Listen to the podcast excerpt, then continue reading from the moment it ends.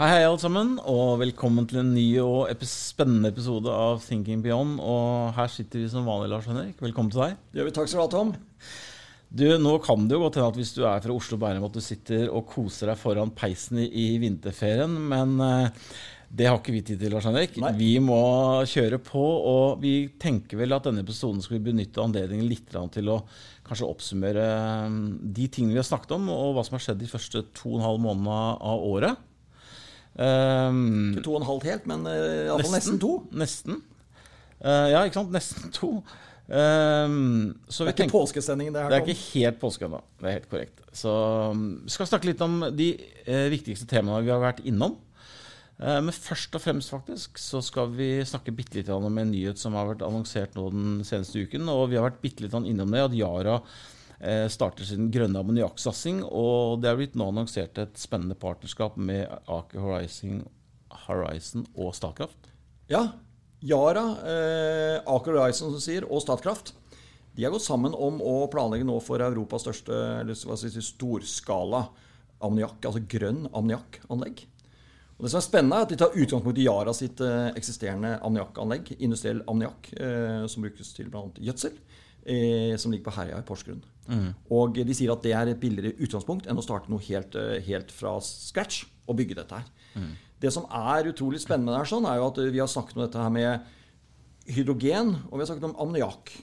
Da må vi bare gjenta. Hydrogen er grunnstoff, ikke sant? mens ammoniakk er egentlig en, det samme. Det er to sider av samme sak, for ammoniakk er egentlig en, en, kjemisk binding av, eh, av, av hydrogen.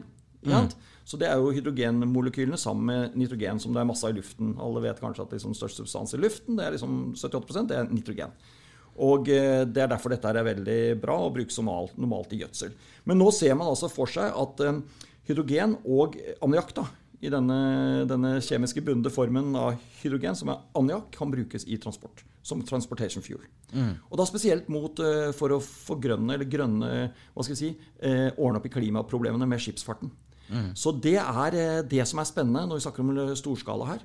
At eh, det er det de sikter seg inn mot. Det som er bra med ammoniakk, er at det har enda større energitetthet enn hydrogen. Omvendt så veier da eh, massen litt mer. Så for båter som ikke har noe problem med vekt, altså store båter mm. som ikke har noe sånn vektproblem å ta med seg liksom, tung fuel, så er det bra med ammoniakk. Er du mer sånn lettere ferger, sånne hydrofoiler og sånne ting, som kanskje går litt kortere, og så er det bedre mm. med hydrogen. Men det er bare liksom noe av forskjellen her. Men det viktigste poenget er at vi ser nå at det virkelig begynner å komme store, store satsinger innenfor det temaet vi har sagt om. Mm. Det blir rett og slett å flette seg litt sammen. Så det blir spennende å følge fremover gjennom året òg, hvordan dette utformer seg. Ja. Ehm, da skal vi innom litt av de tingene vi har snakket om. og Dette med korona og sånn, Lars Henrik. Nå, nå begynner det å komme litt mer og mer på plass dette rundt vaksiner. Vi ser flere og flere vaksiner komme til markedet. Ja, vi ser det. altså. Det, det virker som det er nok av vaksiner. Også i Norge. De, de sliter litt mer med å sette, få satt skuddene i riktig tempo. Så der, der, men det har kommet seg litt de siste ukene. Men vi ligger ganske langt ned på statistikken når vi ser hvor det bare er nå en 6% av befolkningen som er full, vaksinert. Mm. Så eh, Hvor Danmark f.eks. ligger på 9 mm. Israel er jo oppe i noen og 70% men, men, glem de. Ta våre naboland, da, så ligger vi litt foran Sverige kanskje, men et stykke bak Danmark. Mm. Men det kommer seg. Eh, det viktigste er eh, vaksinene. ser Programmene ser ut til å fungere bra. og nå kommer også Johnson Johnson ut eh, med sin snart. Mm. Den er innenfor samme kategorien som AstraZeneca sin, og ikke da som Moderna og eh, Biontech sin, sin, sin, kalde teknologi. Mm. Men dette her nå, og det kommer flere etter hvert. Så de regner nå at en stor del av den voksne befolkning skal være vaksinert i løpet av, om ikke før sommeren, så i løpet av sommeren. Nemlig. Og det, og det er dette markedet tror på. Og ja. det skaper entusiasme, og det skaper fremtidstro. Og det holder gang i børsen. Absolutt. Vi skal innom uh, oljeprisen. Det er vanskelig ikke å komme innom den uten at vi skal snakke for lenge om det. Men det er ingen tvil om at uh, dine anslag inn mot nyåret slo an, Lars Henrik. Og um, det er vel greit å snakke bitte litt om det med tanke på de første ukene av året. At det har uh, tikket og tikket, som vi snakket om sist gang òg. Ja, det er blitt en, altså en sterk oljepris gjennom vinteren av forskjellige årsaker. Og det til tross for at økonomien er liksom så som så. Vi har jo opplevd altså ytterligere litt tilbakevendende nedstengninger og slike ting. Men det er dette med fremtidstroen, og så har det vært en voldsomt bra disiplin innad i OPEC og OPEC pluss. Mm. Og da er det først og fremst altså Saudi-Arabia og Russland som har klart egentlig å styre dette, manøvrere dette på en veldig veldig god måte. Mm. Og eh, kombinert med at, eh, at etterspørselen har ikke blitt verre enn forventet, og også at vi har hatt en kuldeperiode i USA, i, i spesielt Texas, som har gått utover produksjonen med noe faktisk et par millioner fat. eh, på kort sikt, eh, så har det gjort at vi har fått en veldig, veldig god oljepris. Så den eh, kan fortsatt Og vi har egentlig ikke fått effekten av en økonomisk gjeninnhenting. Det venter vi først liksom utover året, spesielt i annet halvår og inn i 2022. Så det er da vi egentlig kan kanskje få den, det største draget i oljeprisen. Nå er det mer liksom spekulasjon og forventning. Eh, om et halvt år så får vi egentlig de fundamentale effektene av om kanskje vi har litt for lite olje i forhold til et etterspørsel. Mm. Jeg vet Lars Henrik, at du har alltid vært det, eh, opptatt av å sørge for at vi har en rød tråd i det vi snakker om. Og ja. det er jo litt av poenget vårt med denne podkasten nå. Derfor syns jeg vi skal eh, for våre lyttere kanskje repetere litt og oppsummere litt dette med Klimaplanen 2050, ja. som vi har snakket ganske mye om. Men eh, kan du ikke kort liksom henge lytterne på her? Hva, hva er det viktigste som har kommet ut av, av den målsettingen som EIA er, vel? Ja, IEA. IEA. Ja. Nå nevnte han eh, Fatih Birol, ikke sant? Stemmer. som er store, jeg kaller den store strategen der. Og det som er morsomt nå, Du sa et nøkkelord i stad, liksom ting begynner å knytte seg litt sammen. Nå nevnte du denne, eh, denne intensjonsavtalen med Aker Horizon, Statkraft og Yara. Mm. Og så For noen episoder siden så snakket vi om IA som var ute med sine kall det også sine, sine, sine mål for hva som, hvilken aktivitet må vi ha for å nå denne, denne avkarboniseringen. Mm. Og Da var det jo bl.a. at de var ute med noen tall som het at den, de industrielle volumene av hydrogen måtte jo opp fra 450 000 tonn i året til 40 millioner tonn i året. Det er altså nesten en hundregangeren. Mm. Og hvor mye er 40 millioner tonn, da, når vi kommer en sånn 20 år fram i tid? Det er jo, 40 millioner tonn er jo da ca. 40 milliarder kilo. Ja, 40 milliarder kilo. 40 millioner tonn, 40 milliarder kilo. Mm. Og Da er det morsomt å se på et annet tall, for da har Nell, det norske børsstedet Nell vært ute og sagt at de har en ambisjon om å produsere hydrogen til halvannen dollar per kilo. Mm -hmm. Så hvis du legger det tallet til grunn, da ser vi at disse 40 milliarder kiloene ganger med halvannen dollar, så er det på 60 milliarder dollar i verdi. Mm. Hvis du bare begynner å knytte to sånne tall sammen, da begynner du å se at wow, dette kan liksom bli noen, liksom, om, om, noen år fram i tiden, så er dette en 60 milliarder dollar per år industri å lage mm. hydrogen. Da snakker jeg bare hydrogen og ikke ammoniakken, mm. som vi snakket om tidligere. Mm. Nå vet jeg det blir mye tall for, for, lytterne her, men det viktigste poenget mitt er at dette blir svært. Mm. Og vi ser nå at disse ambisjonene og planene begynner å spille seg ut i direkte konstellasjoner. Mm. Det dannes nå hele tiden settes det europarekorder og verdensrekorder i anlegg som bygges, og ambisjoner og slike ting. Og da er det jo også IA har sagt at eh, pengene som skal investeres i det her sånn, må jo firedobles i forhold til hva man gjør per år nå. Mm. Så det er, eh, det, er, eh, det er, rett og slett Vi er i, en, i et voldsomt drag. Vi er i en form for en, vi er i en industriell revolusjon. Skal markedet få til det greiene her sånn, skal man klare å nå klimaplanene, som jeg har skrevet og sagt, så må det enormt stor aktivitet til. Investeringer og litt sånn mental sånn endring, hva folk tenker. Jeg synes Et annet viktig poeng her er at eh, jeg vet at media og veldig mange strateger og sånn eh, liksom fnyser litt av børsprisingen og markedsverdien til f.eks. Nell. At det er mange tyske at det er bloggere og alt mulig som drar disse aksjene. Men jeg synes liksom at de tingene du snakker om her, da, det gjør at man på en måte kan begynne å åpne for at det er ikke sikkert at alle de eh, investorene der er så dumme likevel. For at det bygger seg opp til å bli en veldig veldig mye større industri enn det vi ser i dag. Nei, Det er noe substans i hva de driver med her. ikke sant? Mm. Og disse selskapene er nå med på å lede an i noe så kan du alltid si at eh, priser kan være ut fra hva vi ser nå, og hva de tjener nå, så er jo prisen litt sånn hinsides. Men eh, bevare meg vel, altså det sa du også mange av fangaksjene for eh, tre-fire år siden. Og så har vist seg bare altså noen få år senere, så, har, så forsvarer de på en helt annen måte eh, prisingen sin. Mm. Og iallfall den de hadde for tre-fire år siden. For rett og slett volumene har, og inntjening har akselerert mye fortere enn det eh, folk har, har kunnet tenke seg. Og jeg sa jo det I forrige episode brukte jeg et uttrykk jeg plukket opp fra en av mine lesere, som sa dette at liksom, dagen før et breakthrough mm. så virker alt crazy. Mm. Og det er litt der vi er nå, at alt virker crazy.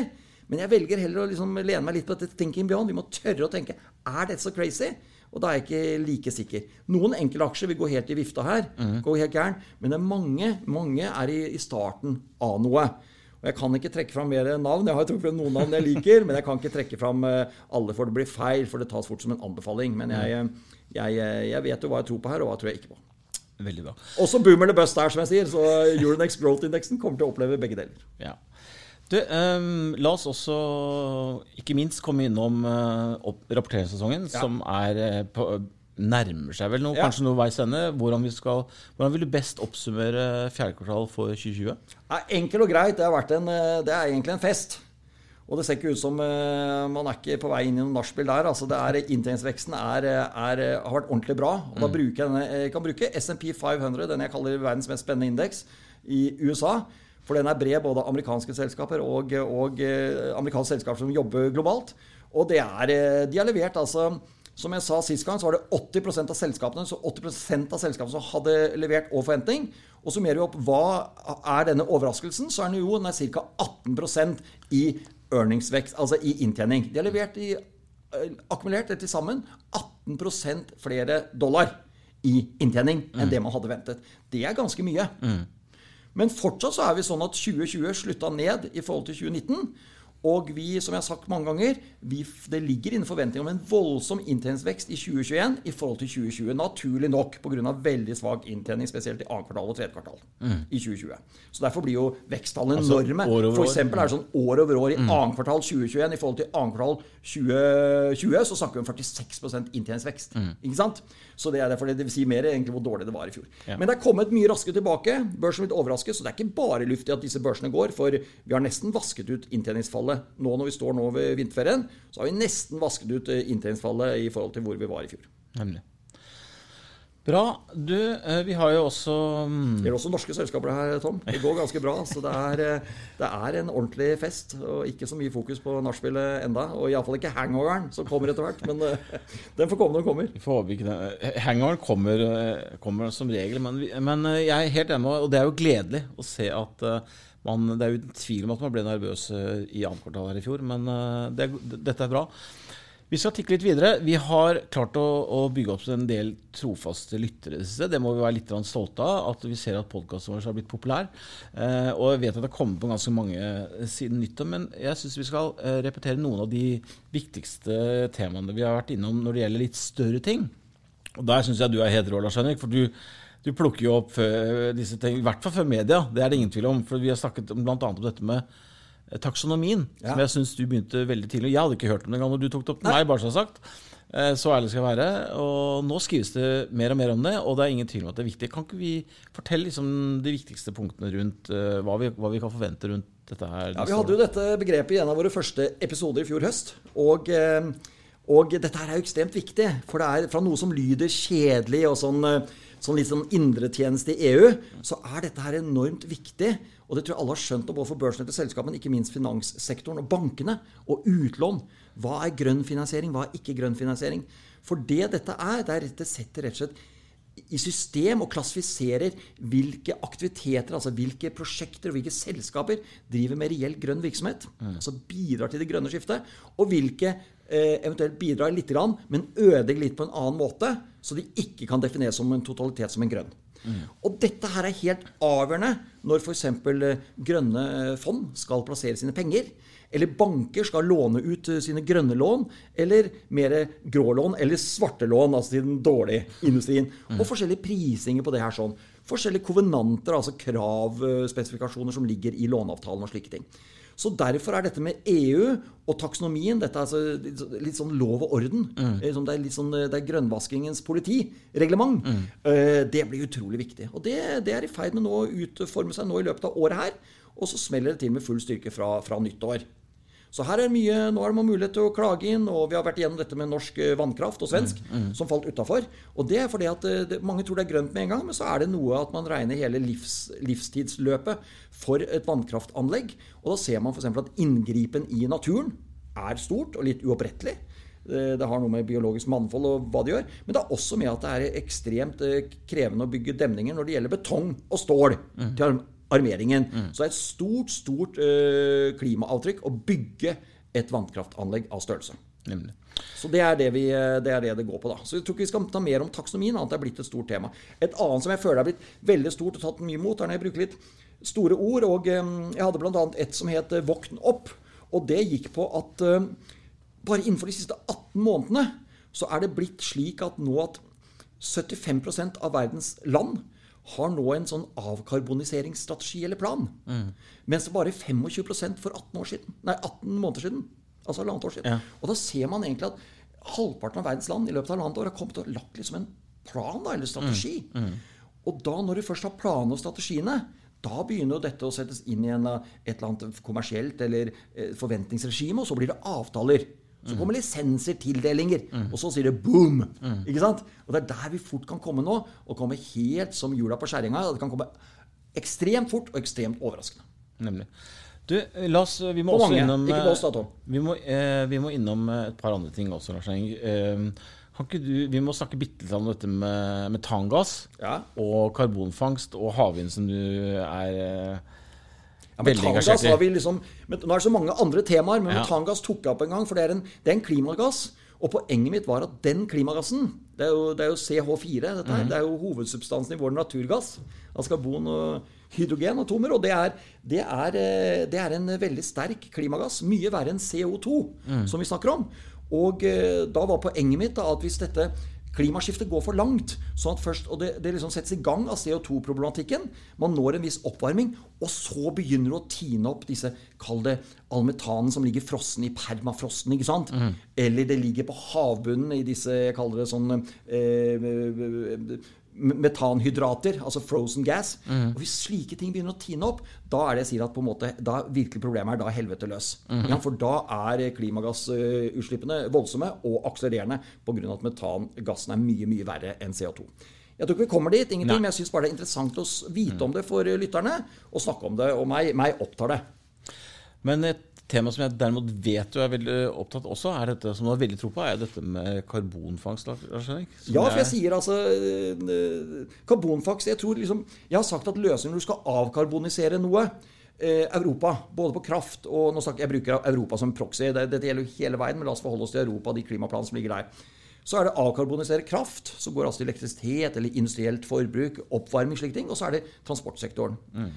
Og da er det jo slik at jeg sier at mye av den nye kraften må komme fra uh, nye grønne kilder. Da har vi snakket sol, og vi snakker vind og havvind. Men så er det at jeg tror ikke det kan klare alt alene. Og da må vi kanskje fortsette å bruke uh, f.eks. gass i en eller annen form, i en eller annen uh, tilstand. Og da er det når du da omgjør gassen til, til eh, elektrisitet, så kan du gjøre det på fortsatt en relativt grønn måte hvis du sørger for at, dette kan, at du kan samle opp karbonen, altså carbon capture, og så videre med carbon storage. Ikke sant? Og det er det man gjør, tenker litt med dette her Langskip-prosjektet med Norcem i Norge. Hvor du egentlig eh, skal samle opp karbonen fra en skitten produksjon. Det er jo sement. Mm. Men da ved at du samler opp karbonen, frakter den komprimert på båter og injeksjerer den i brønner i Nordsjøen, langt ned i berggrunnen, så, så på en måte så, så, så, så forgrønner du det prosjektet. Det er en voldsom kostnad. Voldsom kostnad, men det blir bra. Du tar, eh, du, du fjerner, eh, du, du, samler opp, og du uh, lagrer uh, evig mye karbon på den måten der. Så jeg tror at mye ligger i skjæringspunktet her mellom både ny grønn energi, men også kanskje at man må bruke fossil, men at du da har karbonoppsamlingen og lagringen. Nemlig. Hvis det var forståelig. Du, bra. Jeg um, har ikke lyst til å skuffe lytterne, Lars Henrik, så jeg må jo få lov til å spørre om um, det går an å, å dra opp en liten teaser som jeg snakket om forrige gang. Et tema som uh, kanskje ikke dere har hørt om, um, som ikke jeg hadde hørt veldig mye om, eh, før, før Lars Henrik bringer meg opp dette med, med spesialmetaller og hva du tenker om dette med spesialmetaller på havbunnen. Og seabed mining er kanskje et ord dere aldri har hørt om, men som Lars Henrik tror dere vil høre mer om fremover. Ja, Fortell oss litt, Arne. Gi, gi oss en liten uh, sniktitt, da. Ja, men det er jo det at eh, hele verden Når vi tenker at eh, denne, denne, når verden skal over på grønn energi, og verden går også mer og mer i en retning av en høyteknologi, så er det noen forutsetninger for at det skal lykkes. Og det er bl.a. at vi, eh, vi, vi trenger flere og flere metallholdige komponenter og mineralforekomster for å klare å, å tilfredsstille de behovene som er. Så vi, vi gjør oss rett og slett kort fortalt mer og mer nytte av flere og flere litt rare grunnstoffer. Tom, det er det vi snakker om. Og disse grunnstoffene her har ikke vært, vært, vært brukt til nå. Og vi ser egentlig hele vår, hele vår industri og hele vår tilværelse eh, så, så blir flere og flere av grunnstoffene våre satt i aktivitet. Man finner at de har en eller annen egenskap. ikke sant? Og da er vi inne på dette med, med silisium ikke sant? i forhold til sol. ikke sant? Der ser vi hvordan den, ikke sant? hvordan den klarer å omdanne solstrålene til elektrisitet i disse silisiumpanelene. Så det er, det, og sånne ting skjer innenfor elektronikkens verden også. Og etter hvert så blir det flere og flere folk som skal bruke det her sånn. Flere og flere elektroniske duppeditter. Så stiller det også krav til flere og flere av disse, at disse grunnstoffene eh, kommer til anvendelse. Og de ligger i mineralforekomster. Mineraler er jo egentlig en, en, en altså Bergforekomster eller bergarter er jo sammensetning av forskjellige mineraler og mineralgrupper. Men disse mineralene er, eh, kan være veldig, veldig lønnsomme og veldig bra innholdsrike og tilgjengelige. Mm. Altså, de er fysisk tilgjengelige. Eh, vi har de på land, men nå ligger også det mye, mye, mye større på, på havet. Mm. Så jeg kan ta eksempel, da, for at forekomsten av titan og kobolt rundt i verden det er mye, mye større på havbunnen enn det er på land. Mm. Og der vet vi tar f.eks. ut kobolt fra disse gruvene nede i Sentral-Afrika, mm. som brukes til batterier. Og titan òg, eh, fra andre steder. Så det bare viser at havet er liksom, det har, det har noen enorme forekomster. Mm. Og som, da kan jeg si Norge har kanskje skutt gullfuglen igjen. da. Først gjorde vi det med vår beliggenhet i forhold til olje og gass. At vi lå der vi lå. Det var liksom griseflaks 1, som jeg skrev i en artikkel. Og så var det Griseflaks 2 er kanskje et med vindkraft, som vi snakker om. At vi ligger i beste, et av de beste vindkraftbassengene i forhold til også stor menneskemengder som ligger nede i Europa, med 500 millioner mennesker, som, som er grisekinnet på kraften vår. ikke sant? Og laksen koser seg. Og så har vi et laksen også, for så vidt. kan ta med. Og nå er det kanskje en gang i framtiden dette som kommer også dette med spesialmetaller, mm. eh, som kommer mer og mer til anvendelse og har en veldig høy pris. Norge har mye mineraler og metaller på land nå. Vi snakker om 1000 milliarder i verdi der. Men på havbunnen så er de vanskelig tilgjengelige, men verdiene kan være mye, mye, mye større. Så jeg bare tar opp dette her for å liksom leve litt opp til Thinking Beyond. Vi må mm. tørre å være litt gærne i tankesettet vårt. Og jeg vil minne om vi har allerede eh, Myndighetene har satt i gang eh, Vi har en, vi har en, en havminerallov som ble vedtatt i 2019. Eh, vi er allerede ute på forarbeidet til, til høring i forbindelse med lisenstildelinger. Og Senest nå i januar så var det også en høring som gikk ut. 21. januar. Så ting skjer her, altså. Mm. Så det er lagd lovverk rundt dette her, akkurat som man lagde de første petroleumslovene på 60-70-tallet. Dette gleder jeg meg til å høre mer om. Lars Henrik. Men ikke tro å bli rik på dette i morgen, Tom. Og hold deg unna de verste prosjektene som kommer. Men, eh, men, gud bedre, her er mange lo av hydrogen og alt når vi snakket om for få år siden nå. Altså. Mm. Ikke sant? Så, så, eh, ikke vi snakker sånn sett, men hvis du hadde sagt det, så hadde det blitt litt gæren på. Og plutselig er det blitt milliardselskaper. Ikke sant? Så her er det bare om å gjøre å være nysgjerrig. Nemlig. Du, da skal vi la lytterne våre fortsette å slenge en kubbe i peisen, kanskje? For alt du vet. Kanskje. Og så Litt i glasset. litt i glasset. Så høres vi igjen til uken, vi. Det gjør vi. Gleder meg. Ha det. Hei.